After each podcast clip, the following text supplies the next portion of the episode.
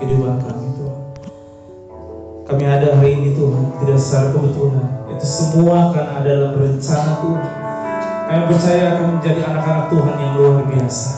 Sebab kami mendengarkan kebenaran firman yaitu Engkau sendiri Tuhan. Terima kasih buat hari ini Tuhan. Biar firman-Mu yang mengajar setiap kami, yang menyatakan setiap kesalahan kami, yang memperbaiki kelakuan kami, dan mendidik kami dalam kebenaran. Biar firman-Mu menjadi pelita bagi kaki kami, dan terang bagi kami. Terima kasih Bapak. Kami siap mendengarkan firman Tuhan. Semua anak muda katakan, Amin. Berikan tepuk tangan buat Tuhan. Jangan duduk dulu. Soalnya kiri kanannya katakan semangat dengan firman Tuhan. Soalnya semangat dong dengan firman Tuhan. Oke, silakan duduk teman-teman. Oke, slide saya ada. Oke. Perkenalkan nama saya John Belatan dan saya bersama teman-teman saya yang main gitar namanya Dino, yang main bass namanya siapa namanya? siapa namanya itu? Boro namanya. David namanya, kemudian Yose dan eh, yang WL yang kakak kita yang paling cantik adalah Kavani namanya. Bilang halo kakak-kakak. Terima kasih buat pelayanannya. Oke, siap mendengarkan firman Tuhan, amin? Amin. Oke, kita dari MDC Bekasi Timur tepatnya dan kita datang di tempat ini untuk pastinya melayani kita sama-sama bertumbuh dalam Tuhan. Amin. Oke. Oh ya, jadi saya akan bahas tentang no turning, no turning back. Oh ya, jangan menoleh ke belakang, jangan melihat ke belakang. Next slide. Oke, di sini. Jadi saya umpamakan dulu ya. Kalau botol itu, botol diisi dengan air biasanya harganya berapa? Harganya berapa? 5000 ya. Biasanya dari 3000 sampai 5000. Tapi kalau botol diisi dengan jus harganya 10000. Tapi kalau botol diisi dengan madu bisa harganya sekitar bisa ada harganya yang 100 ribuan lah ya. Sampai 100 ribuan. Yang asli itu KW ya. Itu KW kan. Tahunya yang KW dia. Di Bukalapak atau di Shopee ya. Jangan, jangan sebut itu ya. Kemudian kalau botol diisi dengan parfum bisa-bisa harganya berapa? Jutaan. Bisa harganya jutaan. Tapi botol kalau diisi dengan air got yang bau, yang bau, yang busuk dan bisa dibuang orang itu harganya berapa? Tidak ada harganya. Jadi harga atau nilai kita tidak ditentukan dari kemasan luar. Namun yang membuat kita mahal atau tidak adalah apa? Apa yang ada isi dalam hati dan hidup kita. Setuju nggak? Makanya kita harus menjalani hidup ini dengan berkualitas, dengan bermakna. Amin. Jangan seperti botol yang kosong itu yang tidak bernilai. Makanya kita harus isi uh, pikiran kita dan hati kita dengan hal-hal yang positif. Makanya sore hari ini kita ingin mendengarkan firman Tuhan. Amin. Yang semangat mendengarkan firman Tuhan katakan amin. Amin. Sebab firman Tuhan katakan gini. Segala tulisan yang diilhamkan Tuhan bermanfaat untuk apa? Pertama mengajar. Kemudian menyatakan kesalahan memperbaiki kelakuan dan apa mendidik orang dalam kebenaran. Firman Tuhan juga katakan firmanmu adalah pelita bagi kakiku dan terang bagi jalanku. Firman Tuhan juga katakan aku bukan hidup dari roti saja tapi aku hidup oleh perkataan Tuhan.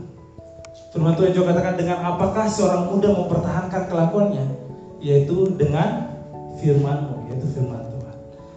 Jadi sama juga dengan ilustrasinya kayak uh, Google Map karena saya orang baru di sini. Kalau saya dari stasiun mau ke tempat ini, saya harus pakai Google Map kan, supaya saya tidak tersesat ke kiri dan ke kanan. Sama juga dengan Alkitab, itu adalah penuntun kita supaya kita tidak melenceng ke kiri dan ke kanan. Kita tetap di dalam tracknya Tuhan agar kita hidup dalam kebenaran. Amin. Jadi kita hari ini siap untuk mendengarkan firman Tuhan. Amin. Oke. Yang saya akan bahas tentang next slide. Oke. Okay. Di Filipi 3 ayat 13. Yang bagian B-nya. Filipi 3 ayat 13 mengatakan seperti itu. Aku melupakan apa yang ada di belakangku dan mengarahkan diri kepada apa yang ada di hadapanku. Seulang sekali lagi. Aku, kata Paulus, melupakan apa yang ada di belakangku dan mengarahkan diri kepada apa yang di hadapanku. Jadi hari ini kita akan bahas tentang jangan lihat ke belakang, tetapi kita harus lihat ke depan. Ada tiga hal yang saya akan bagikan. Next slide. Ada tiga F, not turning back. Yang pertama adalah apa? Forget it, forget it ya yaitu merupakan yang kedua apa foresight arahkan pandangan ke depan yang ketiga apa full rejoice and thanksgiving yaitu bersukacita penuh atau bersukacita senantiasa dan bersyukurlah. Jadi ada tiga hal yang saya akan bagikan kepada teman-teman. Next slide. Nah yang pertama dikatakan melupakan. Saya akan berikan uh, beberapa ilustrasi tentang uh, kaca spion. Ada yang bisa naik motor sini? Semua pasti bisa ya? Semua pasti bisa. Kalau kita naik motor, kemudian jalan dengan cepat, kalau kita mau belok, pasti kita akan lihat apa? Kaca spion. Apa yang terjadi ketika kita menoleh ke belakang? Pasti uh, jalan kita akan pelan. Kita akan uh, menekan rem, betul? Kalau kita menoleh ke belakang. Ilustrasi kedua, seorang pelari dia waktu itu di Asian Games, apa yang terjadi? Seharusnya dia bisa juara satu tapi karena dia berlari tidak mengarah pandangannya ke depan, dia menoleh ke lawannya atau musuhnya, maka dia juara dua pada waktu itu di Asian Games. Jadi dia hanya menoleh saja, dia akan mengurangi kecepatannya. Jadi intinya menoleh ke belakang. Yang ilustrasi yang ketiga dalam Alkitab yaitu istri Lot. Saya ceritanya ya. Istri Lot itu jadi apa? Tiang jadi pada waktu itu kisahnya adalah Sodom dan Gomora ingin dihancurkan oleh Tuhan karena begitu banyaknya dosa. Jadi Tuhan murka sama uh, Sodom dan Gomora ini dan ingin menghancurkan.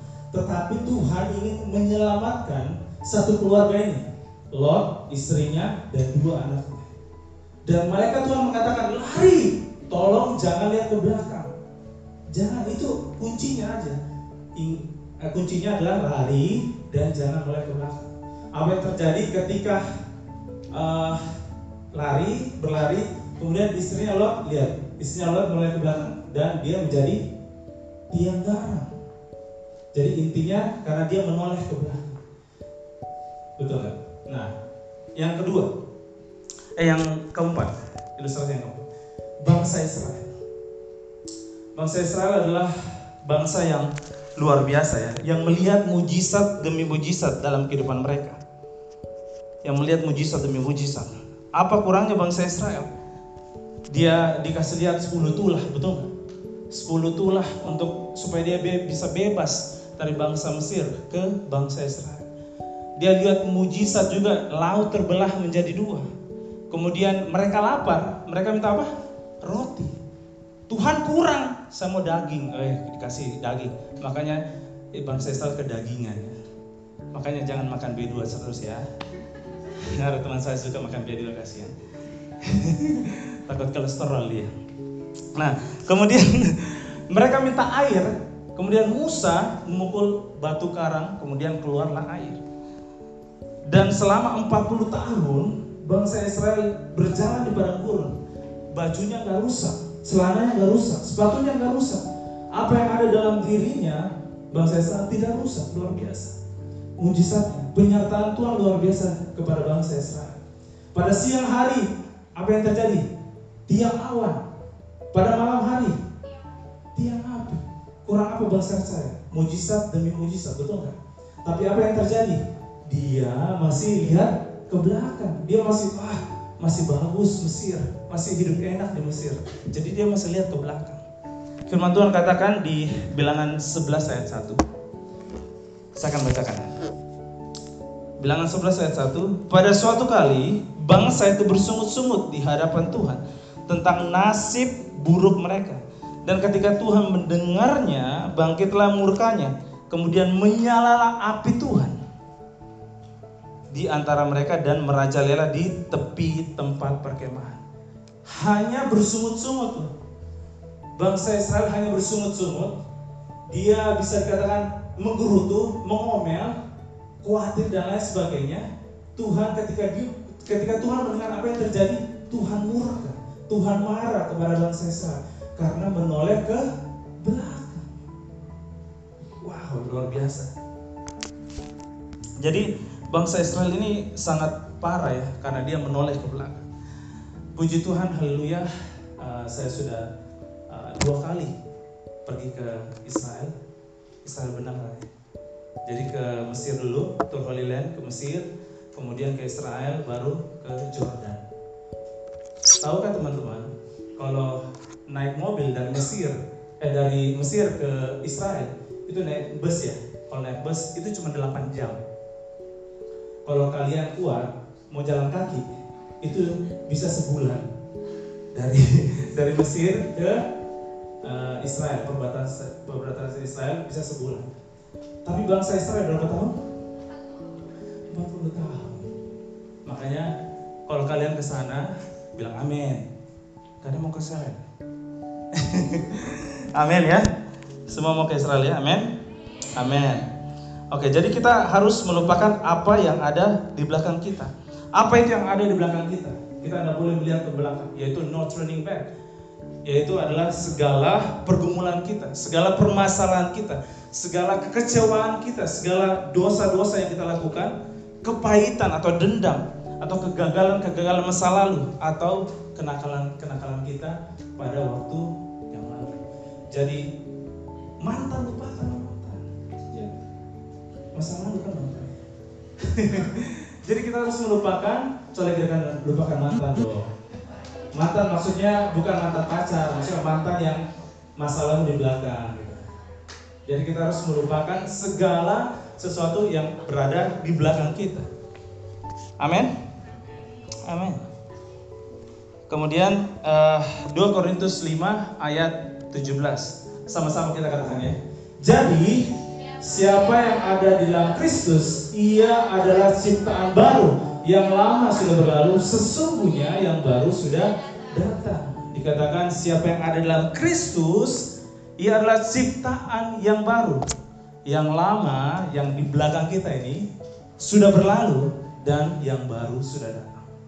Amin. Jadi kita harus melupakan apa yang ada di belakang kita. Kita harus buang, jangan disimpan. Next slide. Ah, ini wahana Bantar Gebang. Wahana ya. Kalian tahu Bantar Gebang? Ada yang tahu? Gak ada yang tahu. Jadi Bantar Gebang itu adanya di Bekasi. Nah, yang ketawa pasti tahu. Semua sampah yang ada di Jabodetabek itu dibuang ke Bantar Gebang. Kalau kalian pernah ke sana, saya pernah ke sana uh, acara bakti sosial, baksos. Kemudian saya melihat ada begitu banyak aroma-aroma yang tidak sedap, bau sekali ya, bercampur. Dan ada yang tinggal di situ.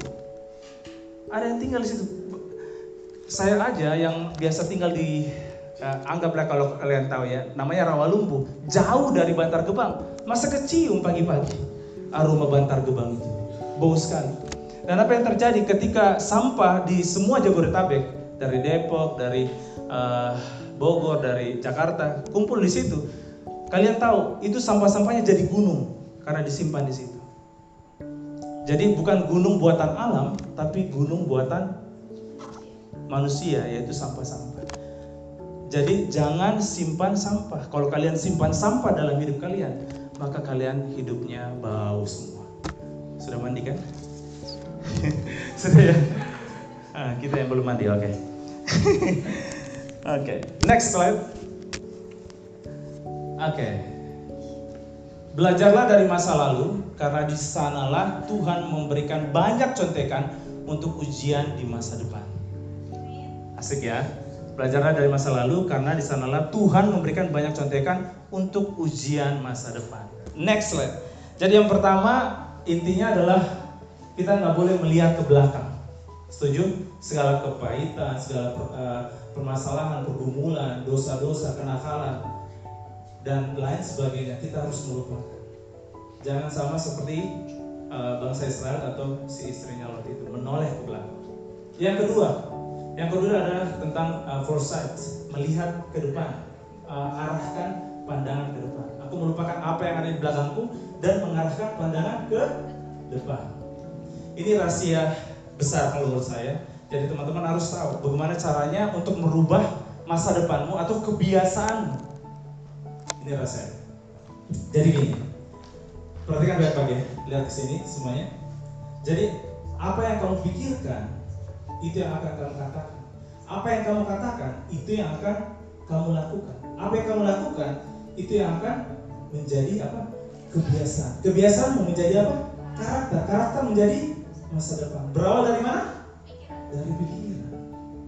Jadi pikiran ini kalau ingin kamu merubah masa depan, kok harus merubah pikir apa pikiran. Amin. Di foto aja di foto. Kalau catat lama. Jadi saudara pikiran, perkataan, tindakan, kebiasaan, karakter dan masa depan berawal dari namanya apa? Pikiran. Jadi bagaimana cara kita mau mengarahkan barang kita ke depan? Kita harus berubah dulu adalah pikiran kita. Next slide. Om saya bilang begini, Mahatma Gandhi. Kenal kan? Kenal dong. Mahatma Gandhi bilang begini, masa depan tergantung pada apa yang kita lakukan hari ini. Saya rubah sedikit kata-katanya. Masa depan Masa depanmu tergantung pada apa yang kamu pikirkan hari ini. Jadi masa depanmu tergantung apa yang kamu pikirkan. Mulai dari pikiran. Kakek saya bilang gini, Albert Einstein. dia bilang gini, dia bilang gini, kegilaan atau ketidakwarasan adalah melakukan hal yang sama berulang-ulang dan mengharapkan hasil yang berbeda. Ngerti kan? Dia jadi dia mau uh, hasilnya berbeda, tapi dia melakukan hal yang sama. Dibilang uh, kakek saya itu kegilaan atau ketidakwarasan. Setuju nggak? Jadi bagaimana caranya mengubah masa depan kita atau kebiasaan kita atau karakter kita? Yaitu pertama adalah melalui apa? Pikiran kita. Next slide. Ah ini dia. Pikir banget nih dia nih. Mikir ya. Bagaimana cara mengubah? Yaitu dengan pikiran kita. Oke, okay. uh, eh, next slide ada apa? Oke, jadi uh, dengan pikiran kita yaitu dengan fokus kepada firman Tuhan. Yang tadi saya katakan segala tulisan yang diilhamkan Tuhan bermanfaat untuk pertama mengajar, untuk menyatakan kesalahan, memperbaiki kelakuan dan mendidik orang di dalam kebenaran. Firman Tuhan juga katakan apa? Dengan apakah seorang muda mempertahankan kelakuan yang bersih dengan menjaganya sesuai dengan firman Tuhan. Ada juga di ayat Mazmur 1 ayat 1 sampai 3. Next slide. Next slide. Nah, ini dia. Jadi Mazmur 1 ayat 1 ini dikatakan apa? Kata-katanya? Kata-katanya apa?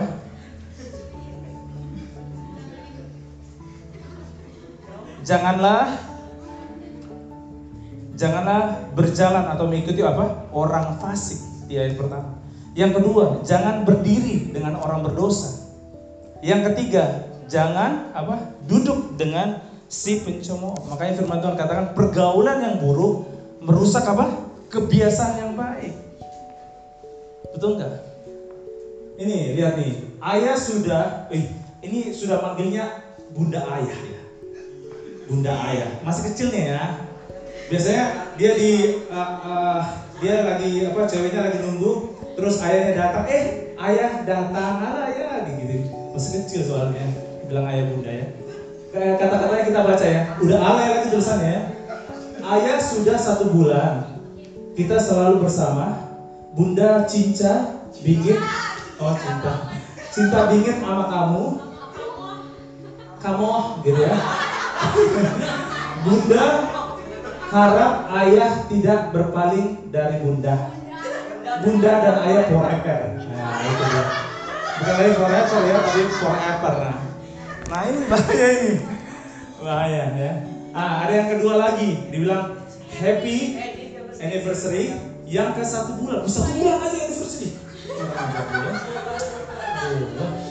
Satu bulan. Satu bulan, uh, satu bulan sayangku. Semoga makin langgeng ya. Kamu yang pertama dan terakhir sayang. Wih, Asia katanya ya. Ini anak kecil yang uh, minum nggak tahu benar atau tidak, tapi yang di atas itu benar ya, ada beritanya yaitu dia masih kecil umur sekitar 2 sampai 3 tahun karena pergaulan. Dia bergaul sama bapak-bapak ya. Dia bergaul sama bapak-bapak, jadi benar ya. Dia bergaul sama bapak-bapak, jadi dia merokok. Ya Tuhan ampuni dia. Dia merokok dari sana.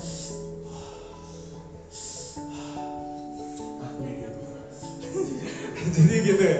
Kalau narkoba tahu sendiri ya. Sudah banyak yang kesaksian tentang narkoba. Jadi uh, ada teman saya teman SMP saya dia narkoba kemudian ditangkap polisi ada teman saya uh, tusuk orang dan uh, karena pergaulan dia tusuk orang kemudian masuk penjara jadi hati-hati dengan namanya pergaulan sangat berbahaya kalau saya uh, hidupnya uh, dulu kalau ada orang merokok nih bareng-bareng nah saya kasih habis tuh rokoknya jadi jangan bergaul sama saya rokoknya habis. Nah kemudian saya pernah mabuk saya pernah mabuk terus tidur di got. Eh, tidur di got. Nggak tahu itu. Guling-guling. Kemudian tahu kesan sini kesan ya. Isi sesama MDC masa nggak kesan ya tahu ya. Lagi kesan kemudian tiba-tiba pemimpin kesan saya kasih tahu John lagi kesan. Ah serius sini? Hari, hari ini kesan? Mulut saya bau minuman tahu minumannya apa topi miring ada yang tahu sini ya. Jangan sampai tahu ya kalian beli nanti. Eh jangan sampai beli maksudnya. Jangan sampai beli jangan sampai beli. Oh, mampu ya. Jangan sampai beli maksudnya. Jadi saya minum kemudian uh, dikesan teman saya colek John uh, mulutku bawa minuman iya jangan bilang-bilang udah usah dan bilang-bilang lagi kesan minum minuman jadi uh, saya juga yang orang pacaran-pacaran gara-gara teman saya saya lihat teman saya pacarnya banyak. Ada 25 orang, 30 yang penting banyak gitu. Dalam hati saya loh loh masa saya tidak ada kan? Jomblo banget gue. Waktu saya eh, waktu uh, saya pacaran mulai pacaran ke kelas 2 SMA terlambat sih sama teman saya. Teman saya udah 20-an saya baru satu. Terlambat banget iya dia, dia ganti-ganti kontak pacar terus saya dengar dia banyak juga yang mau sama dia saya tidak ada. Apa apa nasib jomblo. Yang penting jomblo tidak dosa. Yes katanya yang jomblo pasti yes. Yang jomblo katakan? Oh iya banyak jomblo ternyata di sini. Ampuni dia Tuhan karena dia tidak tahu apa yang dia perbuat. Kemudian ada teman saya uh, sepelayan dengan saya.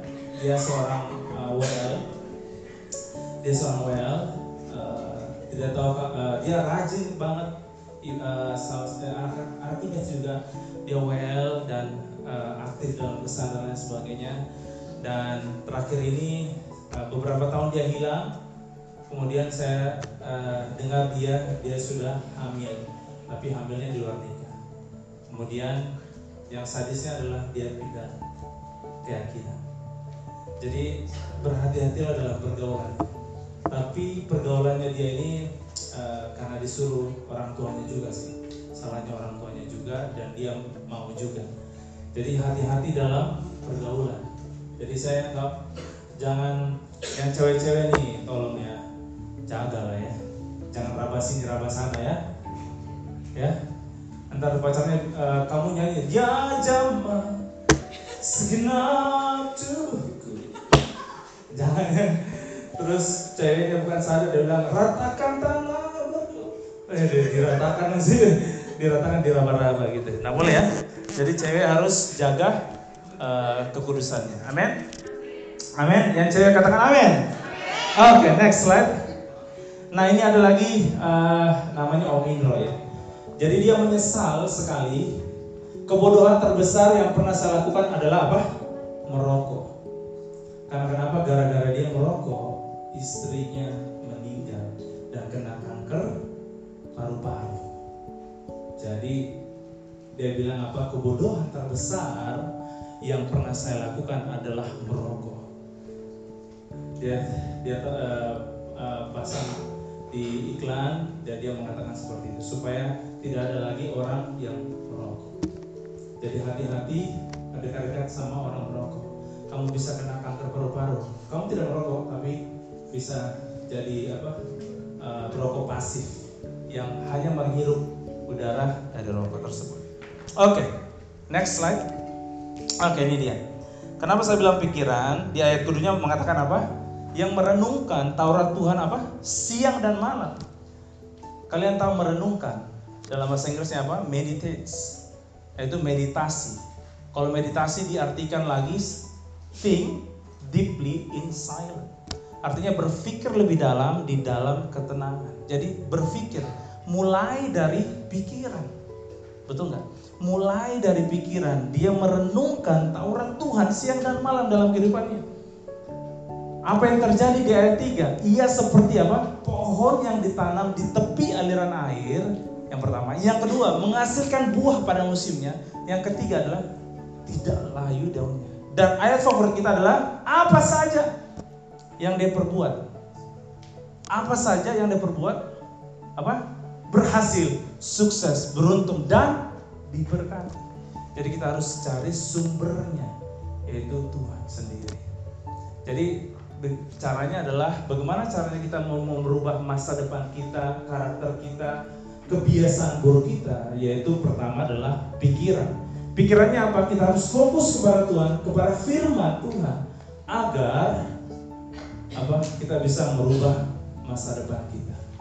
Amin. Kita mengarahkan pandangan kita ke depan yaitu kepada firman. Next slide. Ah, ini yang paling ganteng ini ya. Ganteng banget ya. Hah. Namanya okay, uh, doa atau ibadah itu seperti sebuah payung. Ya kan? Oh ya. Eh, itu kepotong sebelah situ. Doa atau ibadah seperti uh, sebuah payung, ia tidak dapat menghentikan hujan, namun ia dapat melindungi, melindungi kita dari derasnya air hujan. Betul nggak? Amin. Jadi ibadah itu sangat penting. Yang kedua, yang paling ganteng lagi nih. Next slide. Ah, ganteng banget ini. Ganteng kali dia. Kan? Oke, saya bacakan ini ya. Berdoa itu tidak boleh partai tidak boleh sometime, apalagi no time. Harusnya on time, mestinya full time. Kalau bisa overtime agar dia bersama kita every time. Amin. Keren ya? Kalau menurut kok keren dari tepuk tangan. Nah, dipaksa ya. Siap.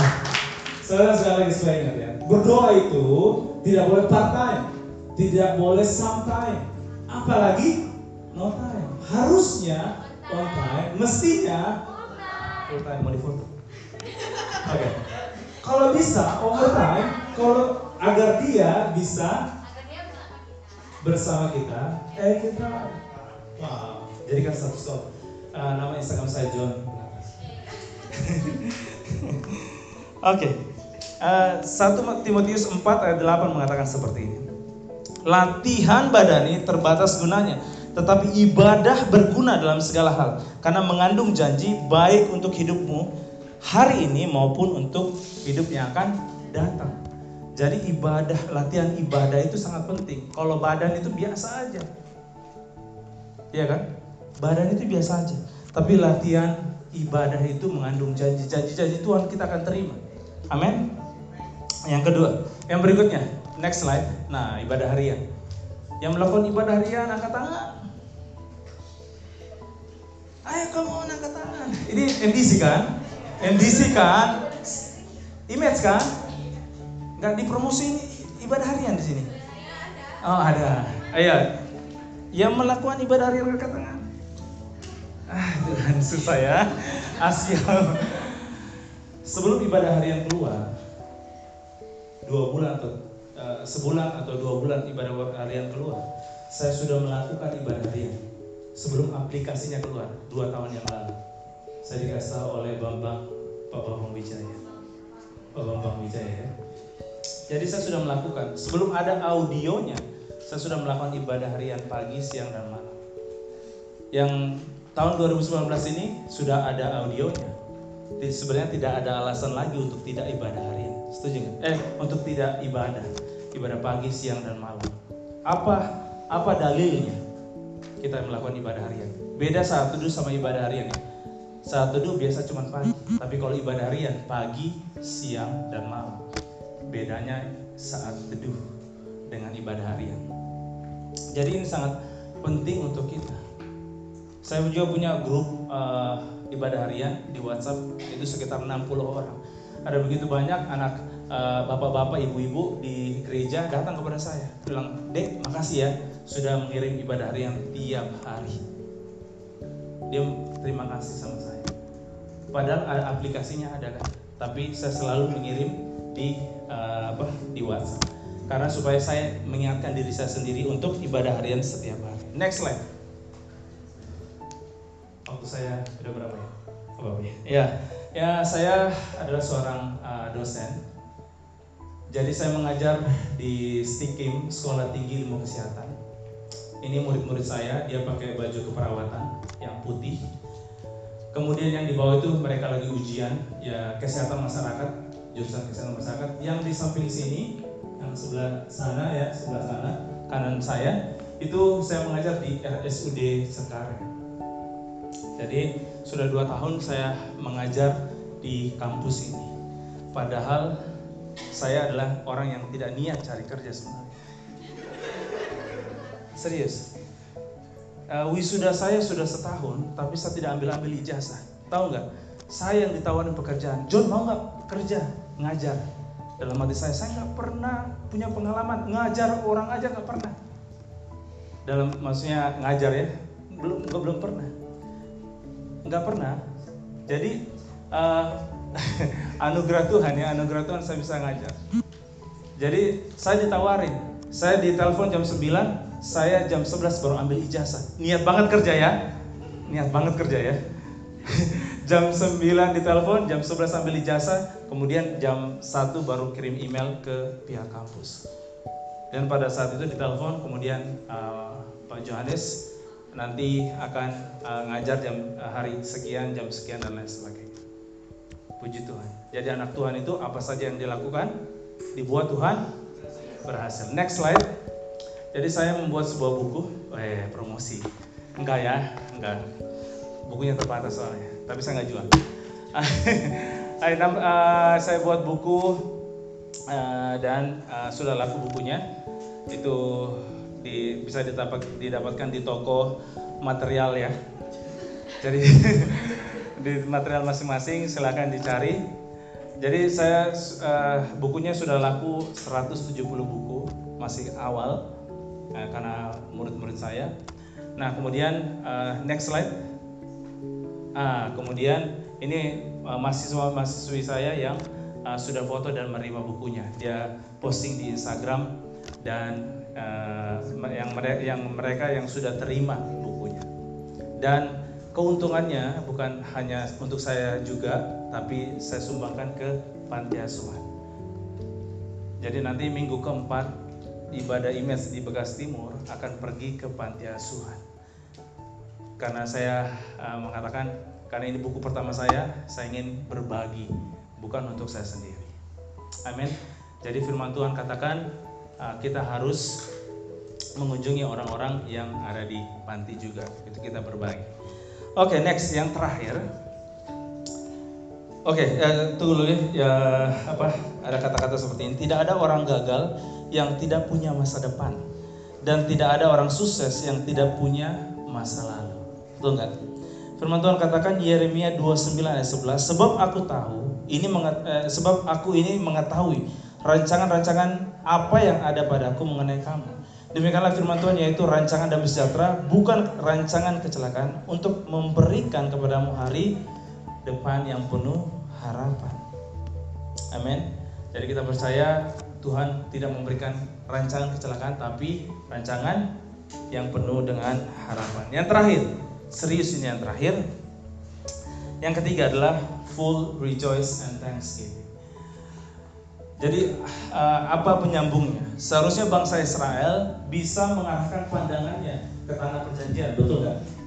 Dia harus mengarahkan pandangannya ke tanah perjanjian. Seharusnya dia bersuka cita, seharusnya dia mengucap syukur.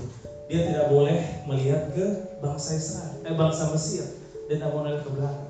Seharusnya mereka mengucap syukur, tapi apa yang mereka lakukan? Mereka bersungut-sungut, mereka mengeluh, mereka bergerutu, mereka khawatir dan lain sebagainya.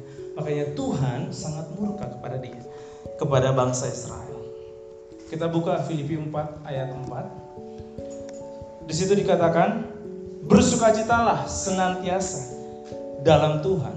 Sekali lagi katakan bersukacitalah. Kalau bisa saya katakan bersukacitalah penuh di dalam Tuhan. Sekali lagi katakan bersukacitalah. Jadi makanya full rejoice. Yang kedua adalah di masih di ayat eh, masih di Injil yang sama Filipi 4 ayat 6 mengatakan seperti ini. Janganlah hendaknya kamu khawatir. Bisa juga dikatakan janganlah hendaknya kamu bersungut-sungut tentang apa pun juga, tetapi nyatakanlah dalam segala hal keinginanmu kepada Allah dalam doa dan permohonan dengan apa? ucapan syukur. Amin. Amin. Jadi kita harus bersuka cita, kemudian kita harus mengucap syukur apa pun yang terjadi di belakang kita. Ini ilustrasi yang terakhir tentang Paulus dan Silas dikatakan seperti ini. Paulus dan Silas seharusnya uh, dia kan pergi menginjil di Asia pada waktu itu ceritanya di uh, apa di kisah para rasul 16 kalau uh, teman-teman baca itu dia pergi menginjil di Asia. Kemudian dia ditangkap dan dimasukkan diderah, dicambuk dan lain sebagainya. Kemudian dia ditangkap, masukkan penjara dan kakinya dipasung ya, dipasung. Kemudian Seharusnya si Paulus dan Silas ini mengeluh, bersungut-sungut, betul nggak? Seharusnya, seharusnya dia melihat ke belakang. Seharusnya, Tuhan saya sudah melayanimu, Tuhan saya sudah memberitakan Injil, betul nggak? Tuhan saya sudah bercapek-capek untuk melayani Tuhan. Seharusnya dia melihat ke belakang. Tapi apa yang terjadi dengan Paulus dan Silas?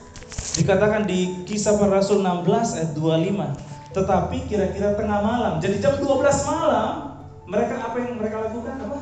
Mereka berdoa dan puji-pujian. Dan apa yang terjadi? Mujizat terjadi, yaitu pintu-pintu apa? Pintu-pintu penjara dan belum mereka terbuka. Mujizat terjadi. Jadi ketika kalian tidak bersungut-sungut tentang apa yang ada di belakangmu, ketika teman-teman tidak melihat apa yang ada di belakangmu, tidak uh, ngomel, tidak menggerutu dan lain sebagainya, kau akan melihat ketika kau mengarahkan pandangan ke depan, kau akan melihat mujizat sama seperti Paulus dan Silas. Amin. Amin. Jadi jangan melihat ke belakang. Jadi saya uh, rangkumkan. Jadi apa yang ada tiga, tiga F apa? Lupakan. Kemudian forget Kemudian foresight, arahkan pandangan ke depan. Kemudian yang ketiga, rejoice and thanksgiving bersukacita penuh dan bersyukurlah. Amin. Jadi itu hal yang kita pelajari hari ini. Kita bangkit berdiri. Yes. Ayo. Next slide, yang paling terakhir. Oh. Tuhan Yesus please jangan spoiler. Main di game ya. Uh, kenapa saya tulis begini? Tuhan Yesus please jangan spoiler. Kalian tahu film Endgame itu mulainya jam berapa? Dimulai jam 5 subuh ada yang nonton Endgame. Gila banget pada waktu dia muncul. Keuntungannya sampai triliunan. Luar biasa banget ini film. Tapi jeleknya orang adalah ketika dia sudah nonton apa yang dia lakukan? Spoiler. Dia kasih tahu ceritanya, siapa yang mati, siapa yang kalah, siapa yang menang. Kurang ajar dia kan. Jadi yang spoiler ini harus dihukum mati dirajam nah. Jadi jangan sampai orang-orang spoiler filmnya karena saya belum nonton, betul nggak? Jangan dong spoiler. Kiri kanan katakan ya, saya suka nonton jangan spoiler dong. Jangan spoiler dong. Ini. Tapi ternyata nih, tapi ternyata, tapi ternyata Tuhan Yesus adalah juga spoiler. Dari mana? Tuhan Yesus juga spoiler. Kalau orang spoiler itu menghilangkan rasa penasaran, betul kan? Rasa penasaran, rasa ke, uh, kejutan, rasa takut, rasa khawatir, rasa panik, rasa tegang. Jadi kalau kita sudah tahu ujungnya kita akan menang, seharusnya kita nggak boleh takut dong dalam perjalanan ini. Betul nggak? Karena kita sudah tahu ujungnya pasti happy ending, betul nggak? Ujungnya kita sudah tahu ceritanya. Jadi dalam hidup ini kita tidak perlu khawatir apa pun masa lalu kita, apa pun pergumulan kita di belakang, kita harus melupakan dan kita harus mengarahkan pandangan kita ke mana? Ke depan. Amin. Amin. Kita tutup mata, mari kita berdoa.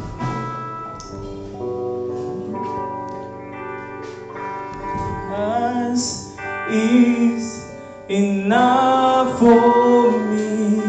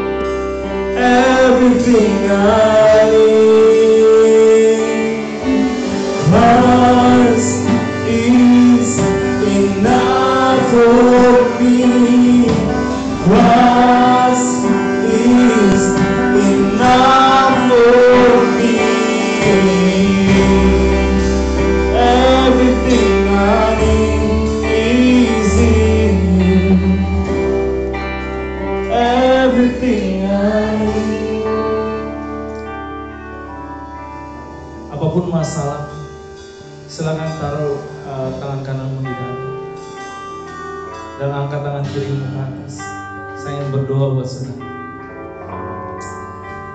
Apa pun masalah, apa pun pergumulan, apa pun dosa-dosa, kepahitan, dendam, kenakalan-kenakalan masa lalu, kegagalan-kegagalan masa lalu.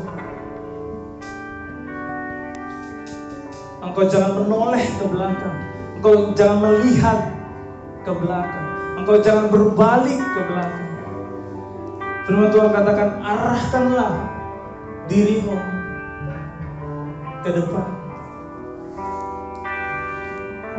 Dikatakan tidak ada seorang pun yang bisa merubah masa lalu. Tapi Tuhan bisa merubah masa depan.